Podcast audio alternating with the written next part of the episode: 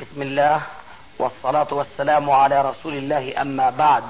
فهذا أحد أشريطة سلسلة الهدى والنور من الدروس العلمية والفتاوى الشرعية لشيخنا المحدث العلامة محمد ناصر الدين الألباني حفظه الله ونفع به الجميع. قام بتسجيلها والتأليف بينها محمد بن أحمد أبو ليلى الأثري. إخوة الإيمان والآن مع الشريط الثامن والثمانين بعد المائتين على واحد.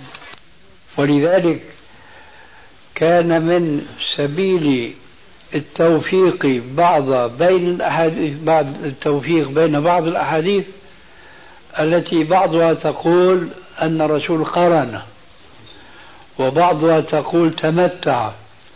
ولما كان التمتع قائما في أذهان كثير من الناس قديما وحديثا هو الذي يكون بين الحج والعمرة فصل بالتحلل. فهو يأتي بالعمرة ويتحلل ثم يأتي بالحج. هذا هو التمتع المعروف في كتب الفقه. فحينما يسمعون من حديث مثلا ابن عمر رضي الله عنه في الصحيحين أن النبي صلى الله عليه وسلم تمتع وكذلك يقول عمران بن حسين تمتع رسول الله صلى الله عليه وسلم وتمتعنا ثم قال رجل برأيه ما شاء. فلا يشكلن هذا الأمر ولا يختلفن حديث قران الرسول مع حديث تمتعه عليه السلام لأن كل قران تمتع وليس كل تمتع قرانا. ما وجه تمتع من المقارن من القارن ذلك أنه يتمتع بفضل العمرة دون أن يشد لها رحلا سفرا. هذه متعة. لكن المتعة الكاملة هو أن يفصل بين العمرة وبين الحج. الشاهد أن عمر بن الخطاب رضي الله عنه نهى الناس أن يتمتعوا بعد رسول الله صلى الله عليه وسلم مع أن الرسول عليه السلام تمتع فعلا وعرفتم أنني أقصد بالتمتع القران وأمر بالتمتع حينما أمر أصحابه بعد أن طافوا طواف القدوم ووقف على المروة يخطبهم أمرهم بأن يتحللوا وأن يجعلوها عمرة. فقال قائل وهو ابن جعشم شو اسمه؟ نعم مالك بن جعشم المهم مالك اسمه ما أظن مالك. المهم أحد الصحابة قال يا رسول قال يا رسول الله عمرتنا هذه ألعامنا هذا أم للأبد؟ قال بل لأبد الأبد. دخلت العمرة في الحج إلى يوم القيامة وشبك رسول الله صلى الله عليه وسلم بين أصابعه. مع ذلك حينما أمرهم عليه الصلاة والسلام بالتحلل وأن يجعلوها عمرة تلكأ بعضهم. ولم يبادروا. عليكم السلام. ولم يبادروا إلى تنفيذ أمره عليه السلام.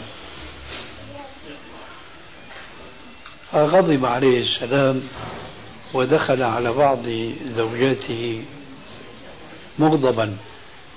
وهي السيدة عائشة رضي الله عنها. قالت من أغضبك يا رسول الله؟ نعم. لا ما أظن. أم سلمة إلى علاقة بالعمرة تبع الحديبية. أما هنا في حجة الوداع قصة مع عائشة. أي نعم. ثم عاد الرسول عليه السلام ليقول لهم يا أيها الناس أحلوا فلولا أني سقت الهدي لأحللت معكم. لماذا تلكى أصحابه عليه السلام في حجة الوداع؟ لأنهم رأوه يأمرهم بشيء وهو لا يفعله. فظنوا أن هذا الأمر ليس أمر إلزام وإيجاب وإنما هو أمر تخيير بدليل هكذا قام في بالهم وأذانهم. أنه هو لا يزال إيش؟ محرما. الرسول عليه السلام بين لهم السبب وإذا ظهر السبب بطل العجب. فلما قال لهم عليه السلام فأحلوا أيها الناس فلولا أني سقت الهدي لأحللت معكم. قال جابر وهو صاحبنا قصة حجة النبي صلى الله عليه وسلم رضي الله عنه وعن أبيه. قال فتحلل الناس وسطت وسطعت المجامر وأتوا النساء. على الرغم من هذه الأشياء كلها كان عمر رضي الله عنه ينهى الناس أن يتمتعوا. ومن العجائب التي تجعل المسلم أن يحرص على تمسك بالسنة ولا, ولا وأن لا يتمسك بآراء الرجال لأن أي رجل هو أفقه من عمر بن الخطاب مع ذلك وقع في مثل هذه المخالفة.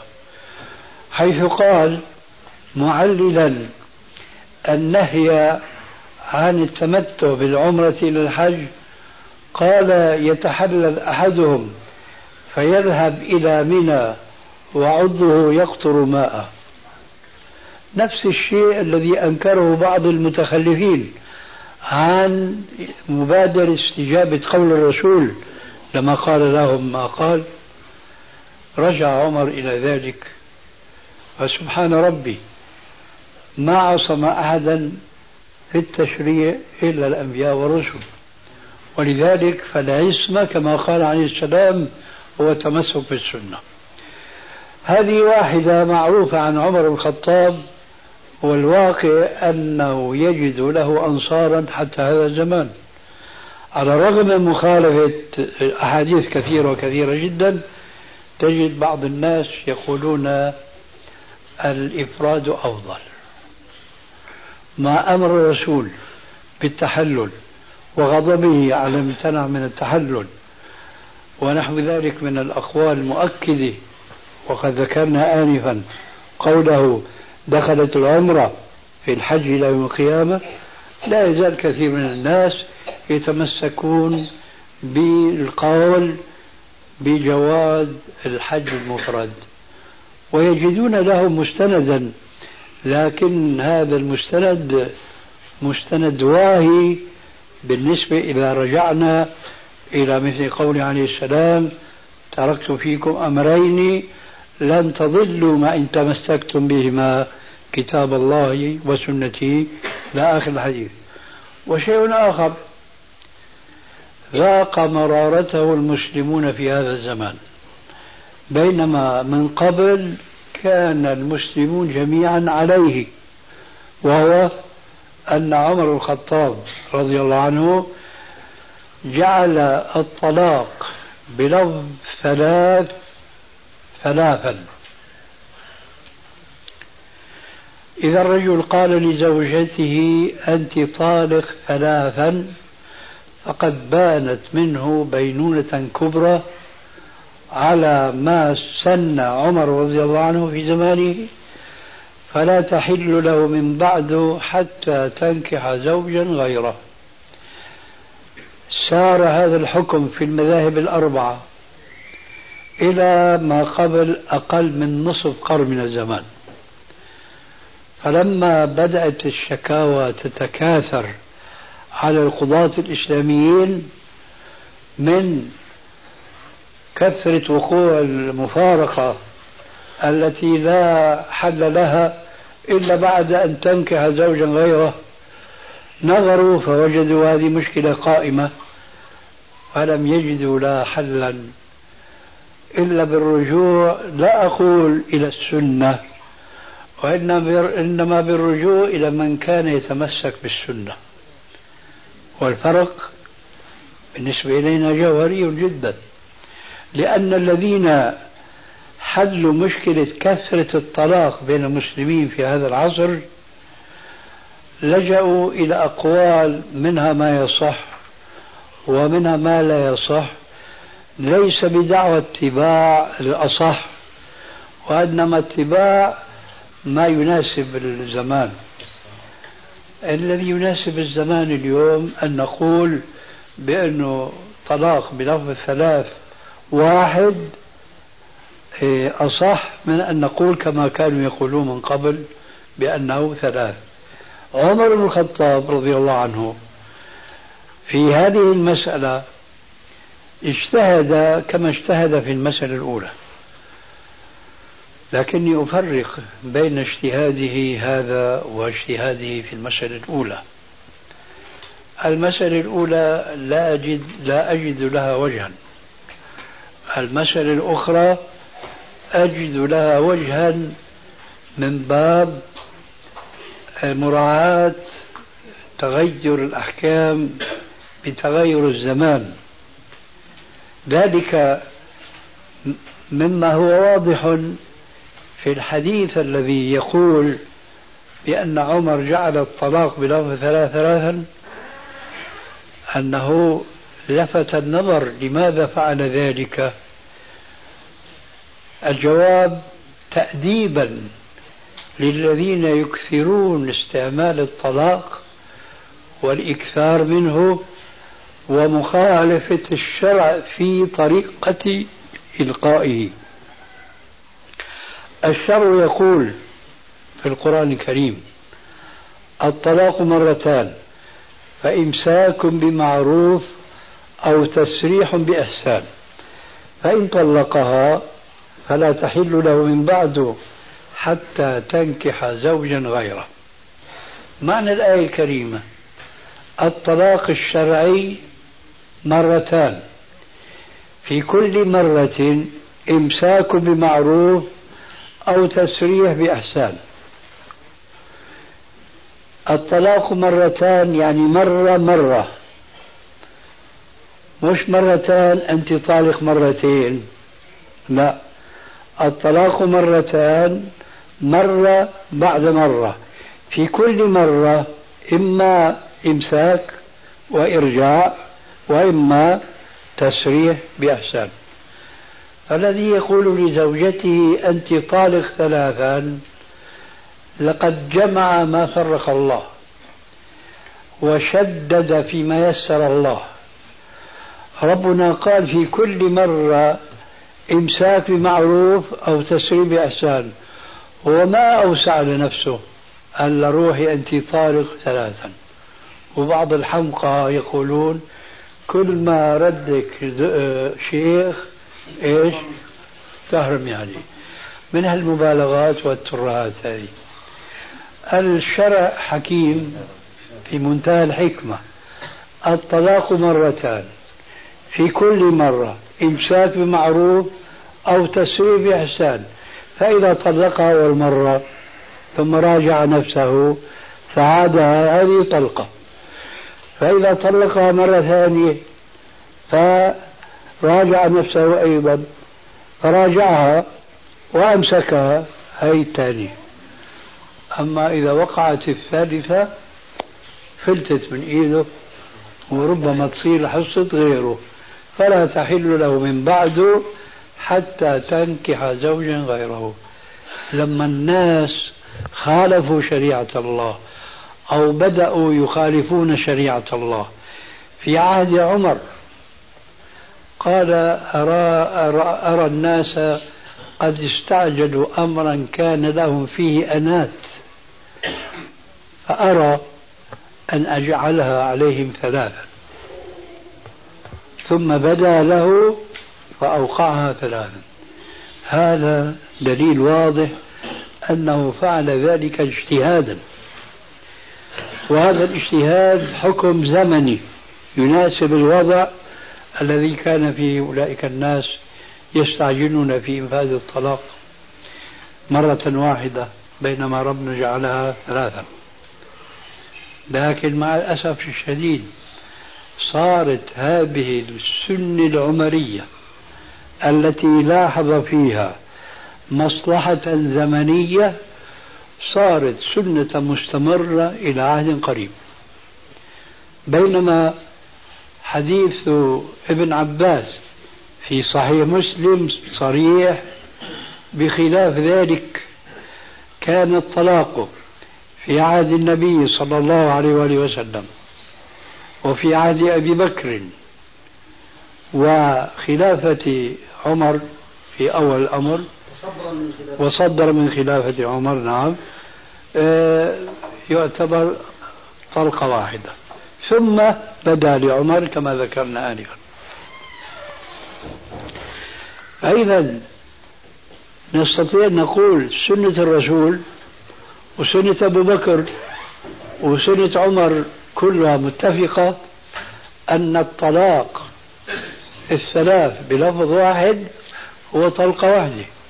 لكن عمر اجتهد فرأى لإبطال تلك العادة أن يجعلها عليهم ثلاثا عقوبة لهم. فكان ينبغي على العلماء الذين جاءوا من بعده أن يعودوا إلى السنة. سنة أبو بكر سنة عمر الرسول وأبو بكر وعمر في صدر خلافته. لكن لحكمة يريدها الله استمر هذا الحكم إلى ما قبل نحو ربع قرن من الزمان تقريبا فبدأ بعض القضاة قضاة الإسلاميين الذين ما عندهم فكرة العمل بالكتاب والسنة وإنما هم يريدوا أن يعالجوا قضايا الناس ومشاكلهم. فوجدوا أن ابن تيمية رحمه الله كان يفتي ولا يزال كتبه واضحة جدا بأن هذا الطلاق طلقة واحدة. قالوا من حل المشكلة بالإعتماد على فتوى ابن تيمية بينما كان الواجب عليهم أن يعودوا إلى السنة. فإذا عمر الخطاب هل هو أحد الخلفاء الراشدين؟ رأى هذا الرأي. فلا يعني الرسول فعليكم بسنتي وسنة الخلفاء الراشدين أي أحدهم وإنما مجموعهم كنحو ما ذكرنا في قوله تعالى ومن يشاقق الرسول من بعد ما تبين له الهدى ويتبع غير سبيل المؤمنين أي يتبع سبيل غير جميع المؤمنين. وإلا كان الأمر مشكل. إذا واحد خالف مسلما معناها شاق الله ورسوله. كذلك الحديث عليكم بسنتي وسنة الخلفاء الراشدين كلهم جميعهم. عضوا عليها بالنواجذ وإياكم ومحدثات الأمور إلى آخر الحديث. هذا جوابي عن هذين الحديثين. شيخ ما قولكم في التصنيف المبكر؟ في إيش؟ ما قولكم في التصنيف المبكر لطالب العلم؟ وهل صحيح أنه يشحذ ذهن طالب العلم؟ لا ليس بصحيح. و... وطبعا أنا أفهم من سؤالك أن التصنيف الذي تسأل عنه هو المصنف الذي يطبعه وينشره.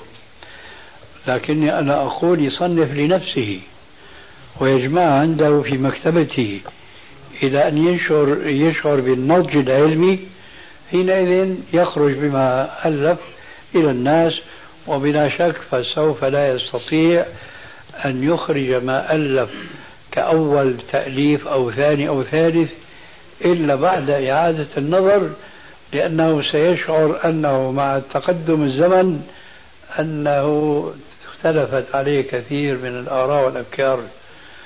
والمثل هو أمامكم. فأنا عندي كتاب هو أول باكورة عملي وهو الذي أعزو إليه بكثير من كتبي وهو المعروف بالروض النظير في ترتيب وتخريج معجم الطبراني الصغير. عندي مجلدان منه كبيران لكني لا أوافق على طبعه لأنه كلما عنت لي مناسبة فرجعت إليه قلت أنا كيف قلت هكذا؟ ما في غرابة لأن العلم ما بيمشي إلا إيش؟ خطوة خطوة. أنا أضرب لكم مثلا أه تفضل الله علي بتنبيه العالم الإسلامي اليوم عليها بعد أن كنت وقعت في خلافها.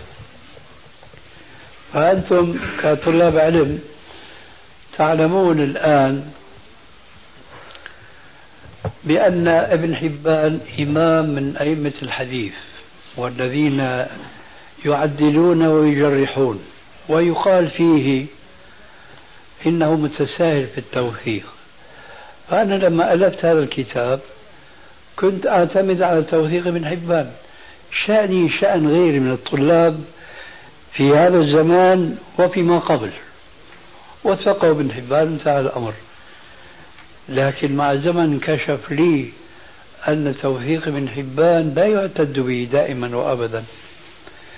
فبدأت في كل كتبي ألفت النظر إلى هذه الحقيقة. فصار الآن عند كثير من طلابي أنا خاصة في الجامعة الإسلامية وفي غيرها من العلم ما لم يكن عندي. أنا كنت جاهلا به. ثم اكتشفت نفسي فأخذت أنبه الناس بأن توثيق ابن حبان ينبغي أن يؤخذ على حذر لأنه يوثق المجهولين. ومضى علي زمن لا بأس به. وإذا بي أكتشف بأنه إذا تفرد ابن حبان أحيانا بتوثيق رجل فيكون مع ذلك ثقة. وهذا أخيرا سطرته في بعض الكتب. كيف ذلك؟ إذا كان ابن حبان يوثق رجلا ويكون هذا الرجل له رواة كثر. فبرواية هؤلاء الكثر عن ذاك الراوي الذي هو مجهول عند غيره يخرج عن عن الجهال العينية إلى الجهال الحالية ثم هذه الجهال الحالية ترشح لأدنى مناسبة للتوثيق فيما إذا وثقه الإمام ابن حبان. كذلك تبين لي والفضل في هذا يعود إلى غيري هذا الأخير وهو الشيخ عبد الرحمن المعلمي. رحمه الله أن الموثق إذا كان من شيوخ ابن حبان فهو ثقة لأنه يوثق عن معرفة بينما هو يوثق ناسا من التابعين أو من بعدهم يقول في بعضهم صراحة لا أعرفه ولا أعرف أباه. كيف صار عندك ثقة مع أنه لا يعرف ولا يعرف أباه؟ هذا مما تفرد به دون الناس. الخلاصة هذه أشياء أنا كنت غافلا عنها بضع سنين عشر سنين الله به عليم. لكن مع الزمن اكتشفت الحقيقة. ولذلك أنا لا أنصح طلاب العلم أن يبادروا إلى نشر كتبهم ورسائلهم وإنما عليهم أن يؤلفوا ما في مانع لأن هذا التأليف قد يمرنهم قد يحفظ معلوماتهم في كتاب رسالة ويضعوه على الرف كما فعلت أنا في الروض النظير. وفي اعتقادي أن هذا الكتاب سوف أموت ويبقى كما هو. لماذا؟ لأنه لا أجد من الوقت ما يمكنني من إعادة النظر من أوله إلى آخره حتى يصلح للنشر بين الناس. ولذلك فالمبتدئون في العلم خطر كبير جدا أن يؤلفوا وأن ينشروا.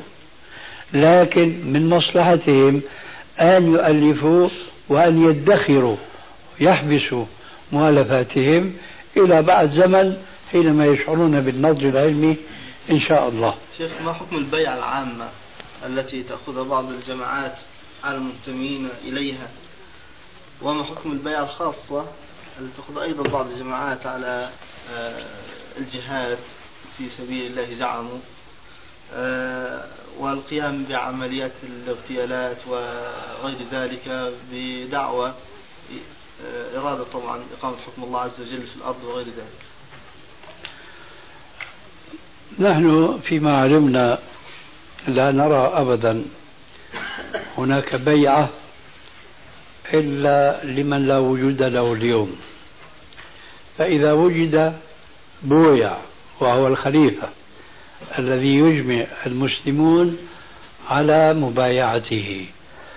أما مبايعة حزب من الأحزاب لفرد لرئيس لهم أو جماعة من الجماعات لرئيسهم وهكذا.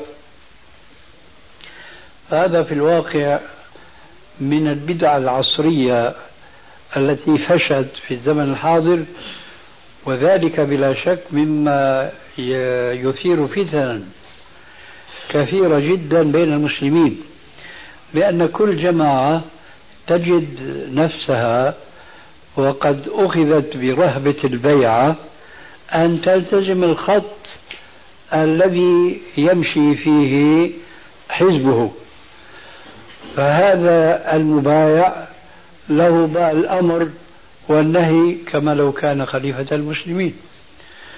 وهناك مبايع آخر وله خط آخر وهكذا تتباعد الجماعات بعضها عن بعض بسبب هذه البيعات العديدة المختلفة. فبالإضافة إلى أننا لا نعلم بيع إلا للخليفة المسلم فنجد آثار هذه البيعات آه، نجد آثار السيئة في نفوس المبايعين.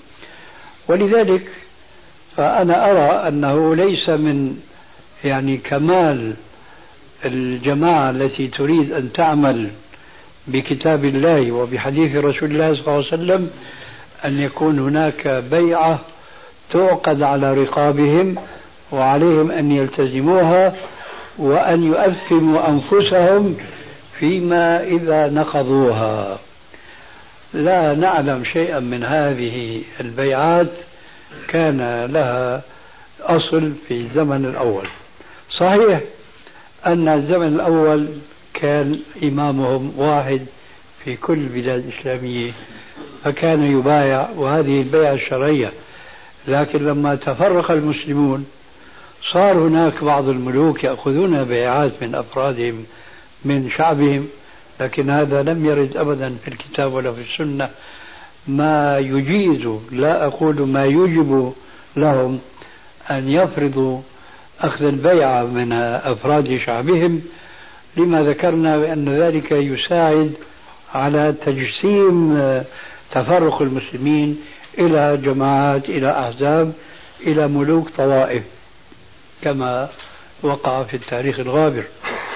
فهذا اعتقادي بأنه لا ينبغي أن يتورط المسلم فيبايع أحدا البيعة التي تلزمه بأن يطيع المبايعة إطاعة عمياء.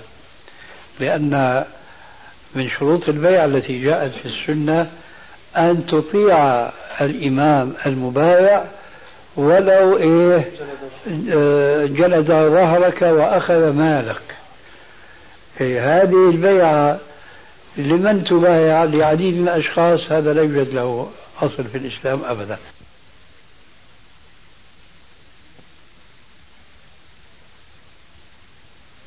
آه، جاء في سؤالك الاغتيالات. هذا من أشر ما يذاع الآن في العالم الإسلامي وهو ارتكاب بأمر من بعض المترأسين على بعض الجماعات وقد يكونوا من الناس الطيبين لكن آه، لا يتنافى الطياب مع الغفله بل في كثير من الأحيان يكون الطيب من المغفلين وحينما يكون كذلك فهو يكون من المستغلين سواء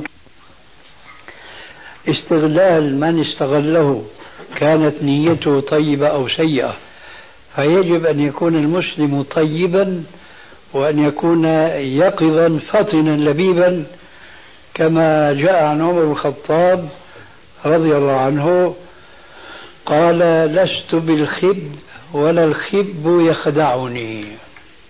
لست بالخب ولا الخب يخدعني. فهو نبيل وهو يقظ. وهو كيس فطن هكذا يجب أن يكون المسلم. هناك بعض الناس بسلاطة لسانهم وربما بسبب إخلاصهم في دعوتهم ولو كانوا على خطأ يسيطرون على بعض الأفراد ويأخذون بألبابهم وبقلوبهم فيأمرونهم بأن يقتلوا فلانا لأنه هذا زنديق. أو قد لا يكون فهو نبيل وهو يقظ وهو كيس فطن. هكذا يجب أن يكون المسلم. هناك بعض الناس بسلاطة لسانهم وربما بسبب إخلاصهم في دعوتهم ولو كانوا على خطأ يسيطرون على بعض الأفراد ويأخذون بألبابهم وبقلوبهم فيأمرونهم بأن يقتلوا فلانا لأن هذا زنديق. أو قد لا يكون زنديقا ولكنه يقف حجر العثرة في طريق الدعوة. وأي دعوة؟ هي دعوتهم القائمة على سفك الدماء. فهذا لا يجوز في الإسلام. لا يجوز تنفيذ أمر بقتل مسلم إلا إطاعة لذلك الرجل الوحيد المبايع وهو خليفة المسلمين فقط وليس غير ذلك. نعم. تفضل. بالنسبة لمسألة التوثيق ابن حبان أستاذ تفضلت فيها قبل قليل آه، هل يستوي الكلام في قضية توثيق ابن حبان في المجهول وفي من وثق وجرح؟ يعني الذي لم يعلم فيه جرح وتعديل وثقه ابن حبان هذا يعني يقع الكلام عليه. هو المقصود. إيه نعم هو المقصود يعني. إي نعم. طبعا إذا كان جرح من غيره ووثقه هو. ولو بهذه الطريقة التي شرحناها آنفا نعم. حينئذ تأتي قاعدة الجرح مقدم على التعديل بشرطه نعم. فيبحث هذا. سؤال في التلفاز. معلوم أنه من أشد أجهزة الإعلام إضرارا بالعقيدة والأخلاق والدعوة الإسلامية. وقد اختلفت ردود أفعال العلماء بالنسبة إليه فمنهم من قال بحرمته ابتداء واعتبره من التصوير المحرم. ومنهم من أقره كجهاز نافع لو أحسن استغلاله غير أنه اعتزل التعامل معه لما غلب عليه من المنكرات. وفريق ثالث يرى وجوب اقتحام هذا الجهاز ومحاولة التأثير من خلاله بما يخدم الدعوة الإسلامية. فما تعليقكم خاصة وأن بعض الملتزمين صار يتجرأ على شراء التلفاز وإدخاله بيته احتجاجا بما أصبح فيه من برامج مفيدة وتحقيقات بناءة خاصة في بعض دول الخليج. نعم. أنا الذي أراه وقلت هذا مرارا وتكرارا أن التلفاز كالراديو كالمسجل وإن كان يختلف عنهما في ناحية واحدة وهي أن فيها صور. الراديو والمسجل وعليكم السلام ليس فيها إلا استعمال الصوت. فهذان أو هاتان الوسيلتان من الراديو والمسجل. وسيلة يمكن استعمالها في الخير ويمكن استعمالها في الشر.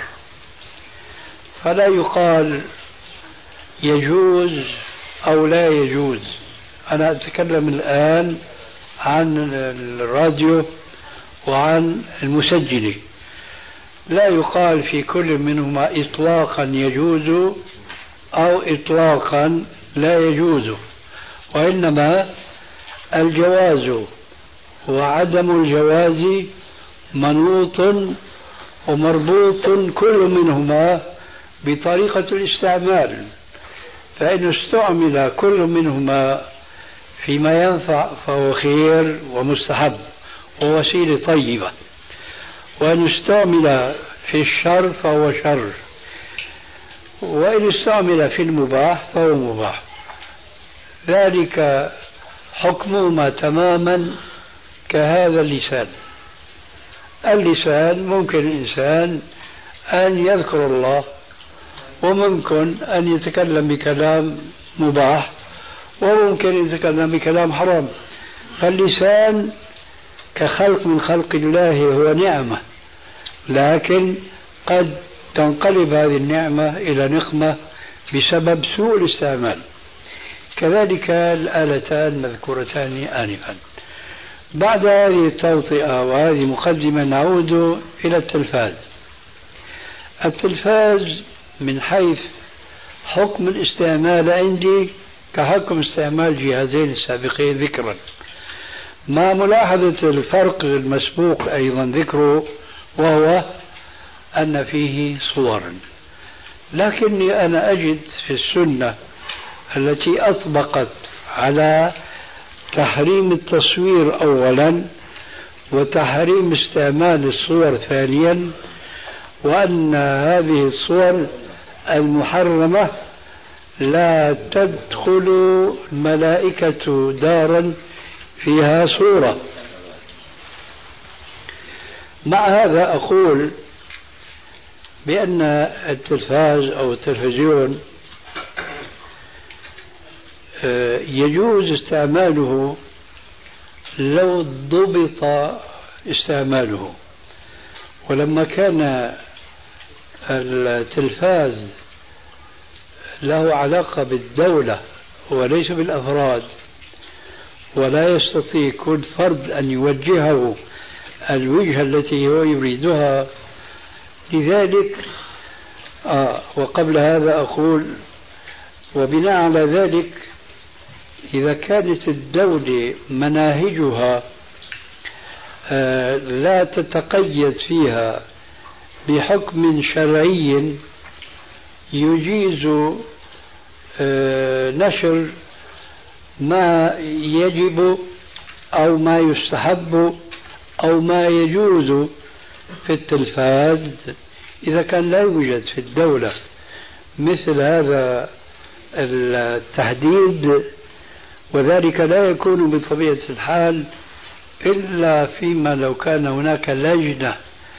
تدرس البرامج التي تأتيها من كل بلاد الدنيا وتميز الصالح منها من الطالح فما كان صالحا نشر وما لم يكن كذلك طوي ورمي أرضا.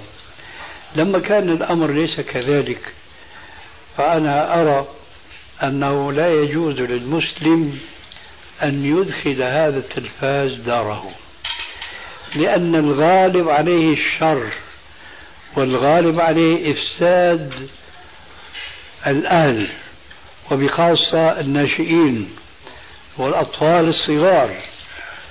لا سيما وقد تطور الوضع في التلفاز إلى اتخاذ هذه الصور.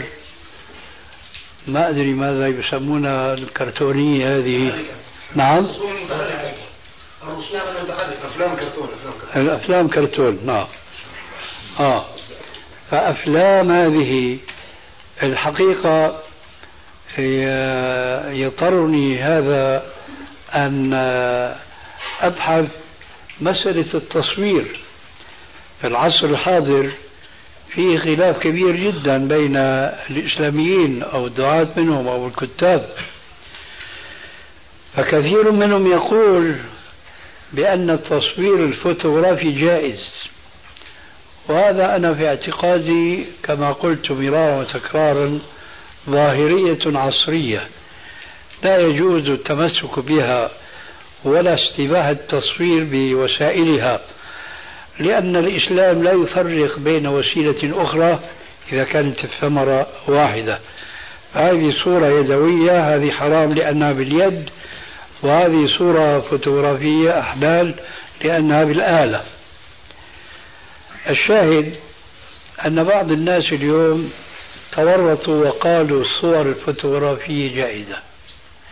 لكن ماذا يفعلون الآن؟ بهذه الصور الكرتونية كما قال بعضهم آنفا هذه صور يعني الحقيقة أنا أكاد أتفجر غيظا على هؤلاء الناس الذين يصورون إنسان له فكين أكبر من رأسه كأنه ما عجبهم خلق الله. فلذلك يقدمون إلى الأطفال صور غريبة لا وجود لها في خلق الله. نعم. خيالية. خيالية محضة. إيه هذا محرم حتى عند الذين يقولون بإباحة التصوير الفوتوغرافي لأنه من حجتهم علاوة على ما ذكرنا آنفا أنه الآلة إيش هذه الآلة الفوتوغرافية هذه؟ هذه ما تجيز إلا أن تقدم الصورة التي خلقها الله. يعني ما تجي ما توجد شيئا جديدا.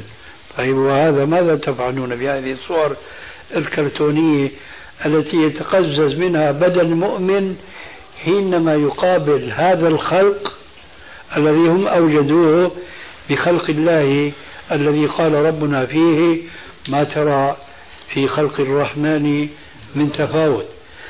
أيضا لا أرى لمسلم أن يدخل بيته هذا الجهاز. إلا يوم الله أعلم متى يكون هذا اليوم.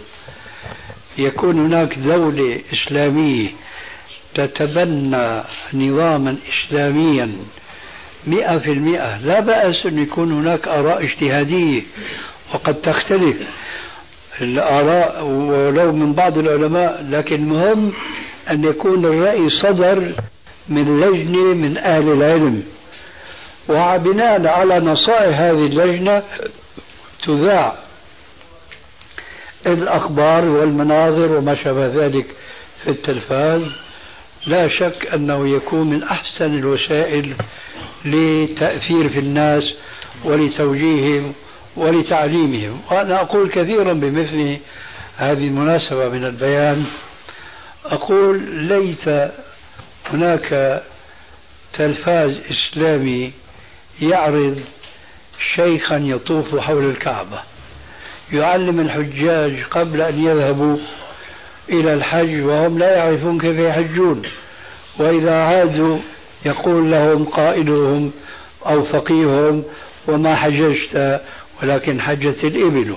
يعني اليوم حجت سيارات. ليه؟ لأنهم لا يحسنون الحج. فليت هناك تلفاز فعلا يرينا رجلا عالما يتكلم ويعمل يبين للناس كيف يبدأ الطواف كيف يقبل الحجر الأسود متى لا يقبل. كل هذه الأشياء التي تقع اليوم هو يمثلها بصورة واضحة بينة. وقس على ذلك جميع مناسك الحج. حتى الإنسان يكون قد حج نظريا ثم يطبق ذلك عمليا. لا نجد شيئا من هذا إطلاقا. لماذا؟ لأن القائمين على هذه الأجهزة اليوم ليسوا من الملتزمين أولا بالإسلام ثم ليسوا من أهل العلم. وأخيرا مع الأسف رئيس الدولة لا يكلف هؤلاء الموظفين وهم موظفون عنده بأن يأخذوا رأي أهل العلم في هذا الذي ينشرونه. وكلكم يعلم الانتقادات التي توجه على بعض الإذاعات في بعض البلاد الإسلامية ينشر فيها الخلاعة ينشر فيها التبرج إلى آخره. ولكن كما قال الشاعر ولو ناديت أسمعت حيا ولكن لا حياة لمن تنادي.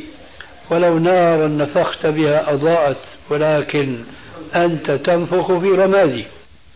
هذا رأيي في التلفاز طيب موقف الدعاء والعلماء كيف؟ موقف الدعاء والعلماء آه. منهم من يرى اقتحام هذا الجهاز للتأثير من خلاله ومنهم من يرفض ذلك نفهم الجواب بارك الله فيك نفهم الجواب لما نقول لا يجوز إدخال هذا الجهاز لبيت مسلم أنا أنا أتكلم ال- ال- الدعاء الذين يقولون نغزوه لكي نؤثر من خلاله عند من لديهم هذا الجهاز، الجهاز موجود في البيوت لا شك عند كثير من الناس. فهو يقول ما دام كله شرا أنا أدخل أعمل مثلا مجلة إسلامية أعمل آه، أحاديث فيها من الخير كذا وكذا حتى أؤثر تاثيرا نافعا بجوار التأثير السيء. والبعض يقول لا حتى لا يشتري هذا الجهاز الصالحون بهذه الحجة أن في أشياء نافعة. فهذه المسألة. فهمت عليك. يعني كأنك كنت تقول أنه مثلا رجل عالم فاضل. نعم. هل يعرض نفسه أو إذا طلب أن يلقي درسا مثلا ويذاع في التلفاز درسه على ملأ من الناس هل يفعل ذلك أو لا؟ هكذا تقريبا؟ نعم. أنا أقول لو كان آه، شر التلفاز أقل من خيره آه، كان وافق على هذا الفعل. أما وشره أكثر من خيره فالرأي الذي حكيته هو الوارد هناك. يعني يكون فيه إذاعة لإدخال التلفاز في البيوت والذي سيصير انه البيت الفلاني ما عنده تلفاز. لما فلان من العلماء أو الوعاظ أو المرشدين إلى آخره يبلغه أنه أصبح هو له جلسات خاصة في الأسبوع يوم أو يومين إلى آخره ينشط ليشتري التلفاز وما دخل التلفاز داره ابدا. لكن اللي راح يصير حيستعمل هذا التلفاز لغير ذلك. وهنا يحصل الفساد وحينئذ تأتي القاعدة العلمية آه، دفع المفسدة قبل جلب المصلحة. ثم أرى أنا أن هذا أو هذه الدعوة التي حكيتها آنفا أو الصورة التي أنا عرضتها فأنا بقول ما فائدة تجاوبي مع اللجنة المسؤولة في التلفاز أن ألقي درسا منظما بواسطة التلفاز؟ ما الذي يستفيد الناس سوى أن يروا صورتي؟ لكن يمكنهم أن يسمعوا صوتي بدون طريقة التلفاز. واضح؟ فالفائدة المرجوة والمؤثرة ليست هو بروزي أنا بشكلي وإنما بروزي أنا بصوتي فإذا ليس هناك فائدة كبرى من وراء تبرير هذا العمل من أجل إفادة الناس آخرين فليكن ذلك بطريق الإذاعة بالراديو وليس بالتلفاز شيخ يقولون في التصوير نعم. بالنسبة للتصوير شيخنا يقولون يعني من شبهاتهم ومن أقوى شبههم أنه يشبه المرآة وأيضا حديث إلا رقما في ثوب فما الرد على هذه الشبهة؟ نعم. يكفي وأظنك تنقل عنهم نقلا صحيحا قولك عنهم يشبه. فإذا هو ليس مرآة. انتهى يعني هو قاسه قاسه يشبه لكن إذا قيل زيد أسد فهو يشبه الأسد. لكن ليس أسدا. فإذا رأى الناظر نفسه في المرآة فلا يقال هذه صورة لأنها زائلة. بينما الصورة هي الصورة الثابتة. أما حديث إلا رقما في ثوب هذا في الواقع يعني مما يحتاج ويفيد البحث فيه. إلا رقما في ثوب ليس استثناء آه، من تعاطي تصوير الصورة المحرمة وإنما هو استثناء من استعمال الصورة. ولا أقول الآن محرمة. لكن أظن ظهر لك الفرق بين الأمرين. بمعنى أن تعاطي التصوير إيجاد صورة لم تكن من قبل والأمر الثاني استعمال هذه الصورة. فقول عليه السلام إلا رقما في ثوب ليس استثناء من الأول وإنما الاستعمال. واضح إلى هنا؟ م. شيء ثاني هل هذا الاستثناء هو للصورة المحرمة ولا الصورة التي زالت معالمها وصار هيكلها شيء آخر؟ هذا أنا أميل إليه. وذكرته في آداب الزفاف فيما أذكر. لكن المهم الآن سؤالك يتعلق ليس في استعمال الصورة وإنما في التصوير لأن السؤال كان أنه يقولون هؤلاء الذين يبيحون تصوير ليس تعاطي الصورة وإنما إيجاد الصورة. يحتاجون بهذا الحديث. فهم يتوهمون الاستثناء هو من من من تعاطي إيجاد الصورة وليس من استعمال الصورة. والدليل على ذلك يرحمك الله لا تدخل الملائكة بيتا فيه صورة أو كلب. فقيل للراوي ألم يقل إلا رقما في ثوب. فإذا القضية إلى علاقة باستعمال الصورة وليس بإيجادها. واضح؟ واضح شيخ بالنسبة لسؤال الاغتيالات أحد الإخوة هنا أرسل يعتكف سؤال. سؤال ما حكم نزول عملية على فلسطين طبعا بقصد الجهاد في سبيل الله وغير ذلك وزعم أنه فرض عين على كل مسلم ومسلمة في هذا الوقت الحاضر فما قولكم في هذا؟ نحن نقول أن الجهاد في فلسطين هو بلا شك جهاد عيني ولكن يجب اتخاذ العدة. والآن اتخاذ العدة مسدود الطريق أمام من كان يستطيع أن يتخذ العدة.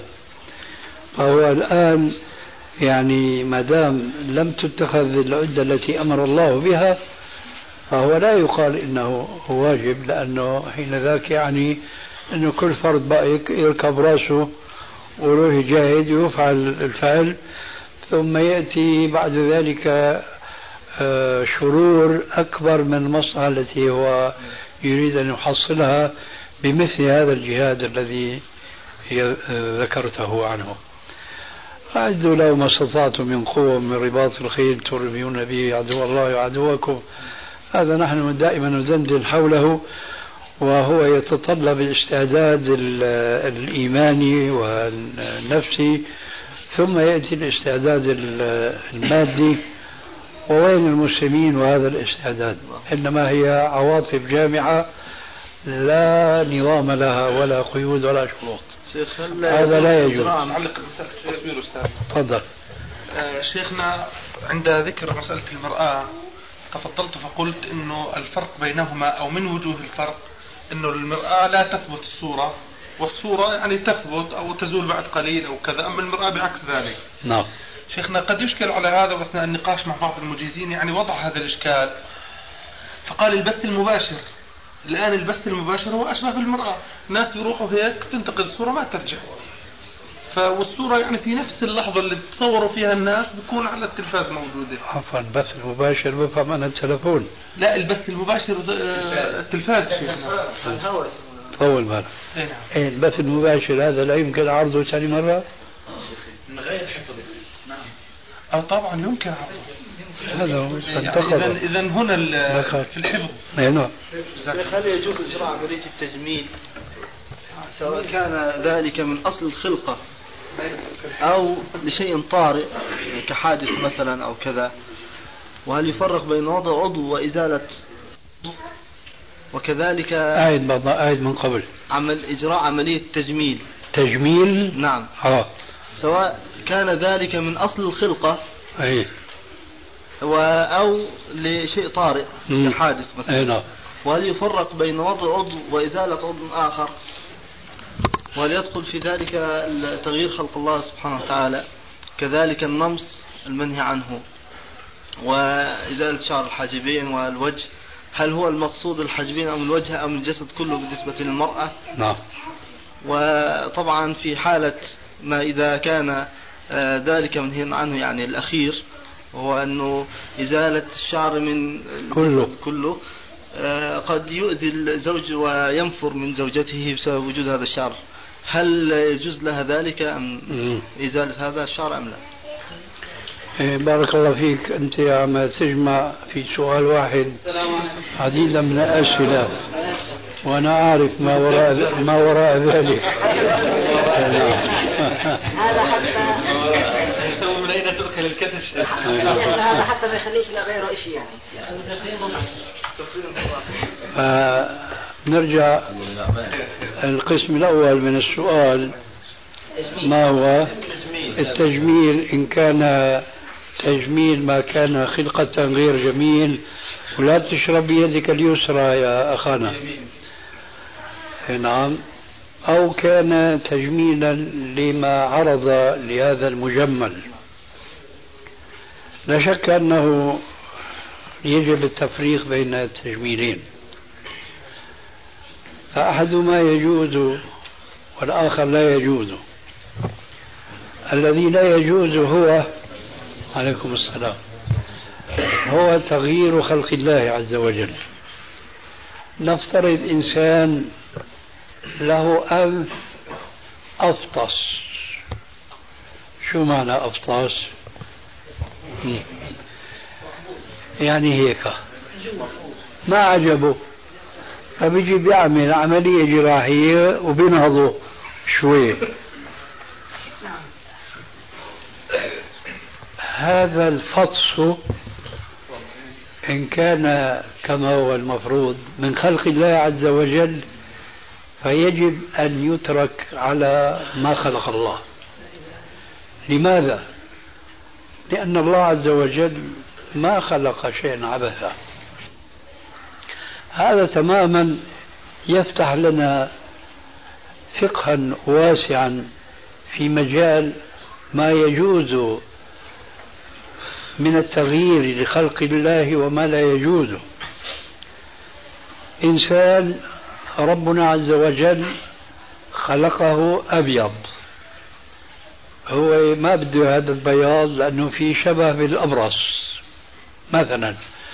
فهو يتقصد أن يصبغ بشرته بلون أسمر.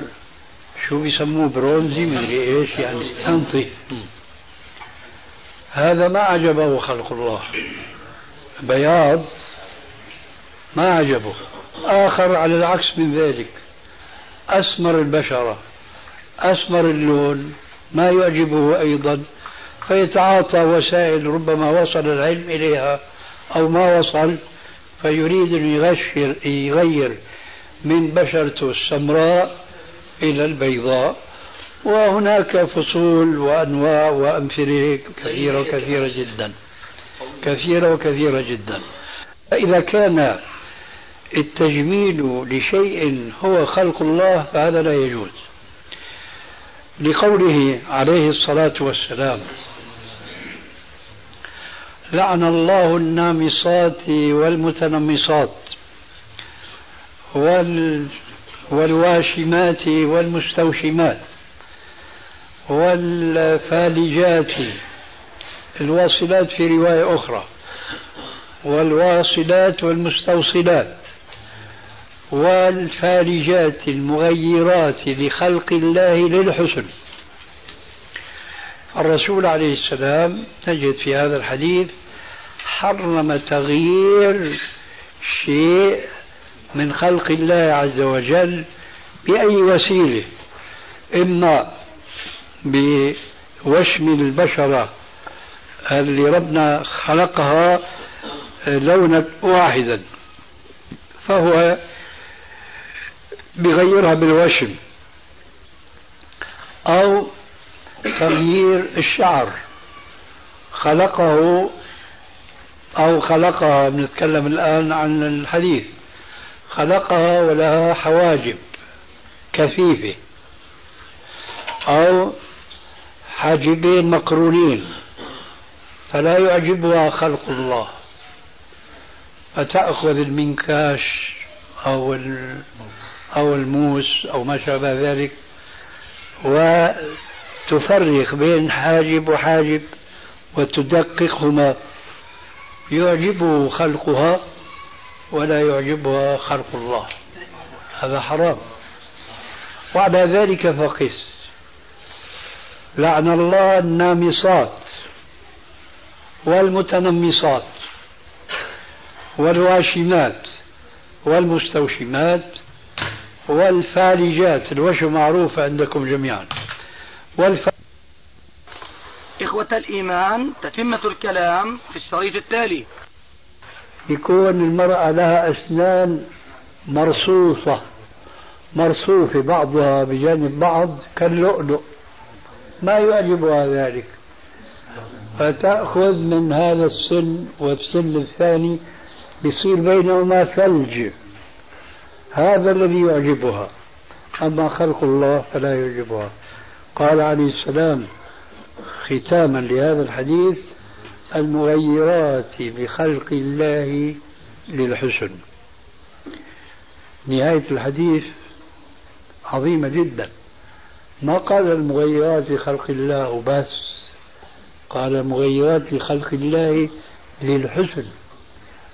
فلو أن امرأة كان لها جفن يمنعها من أن ترى يرحمك الله.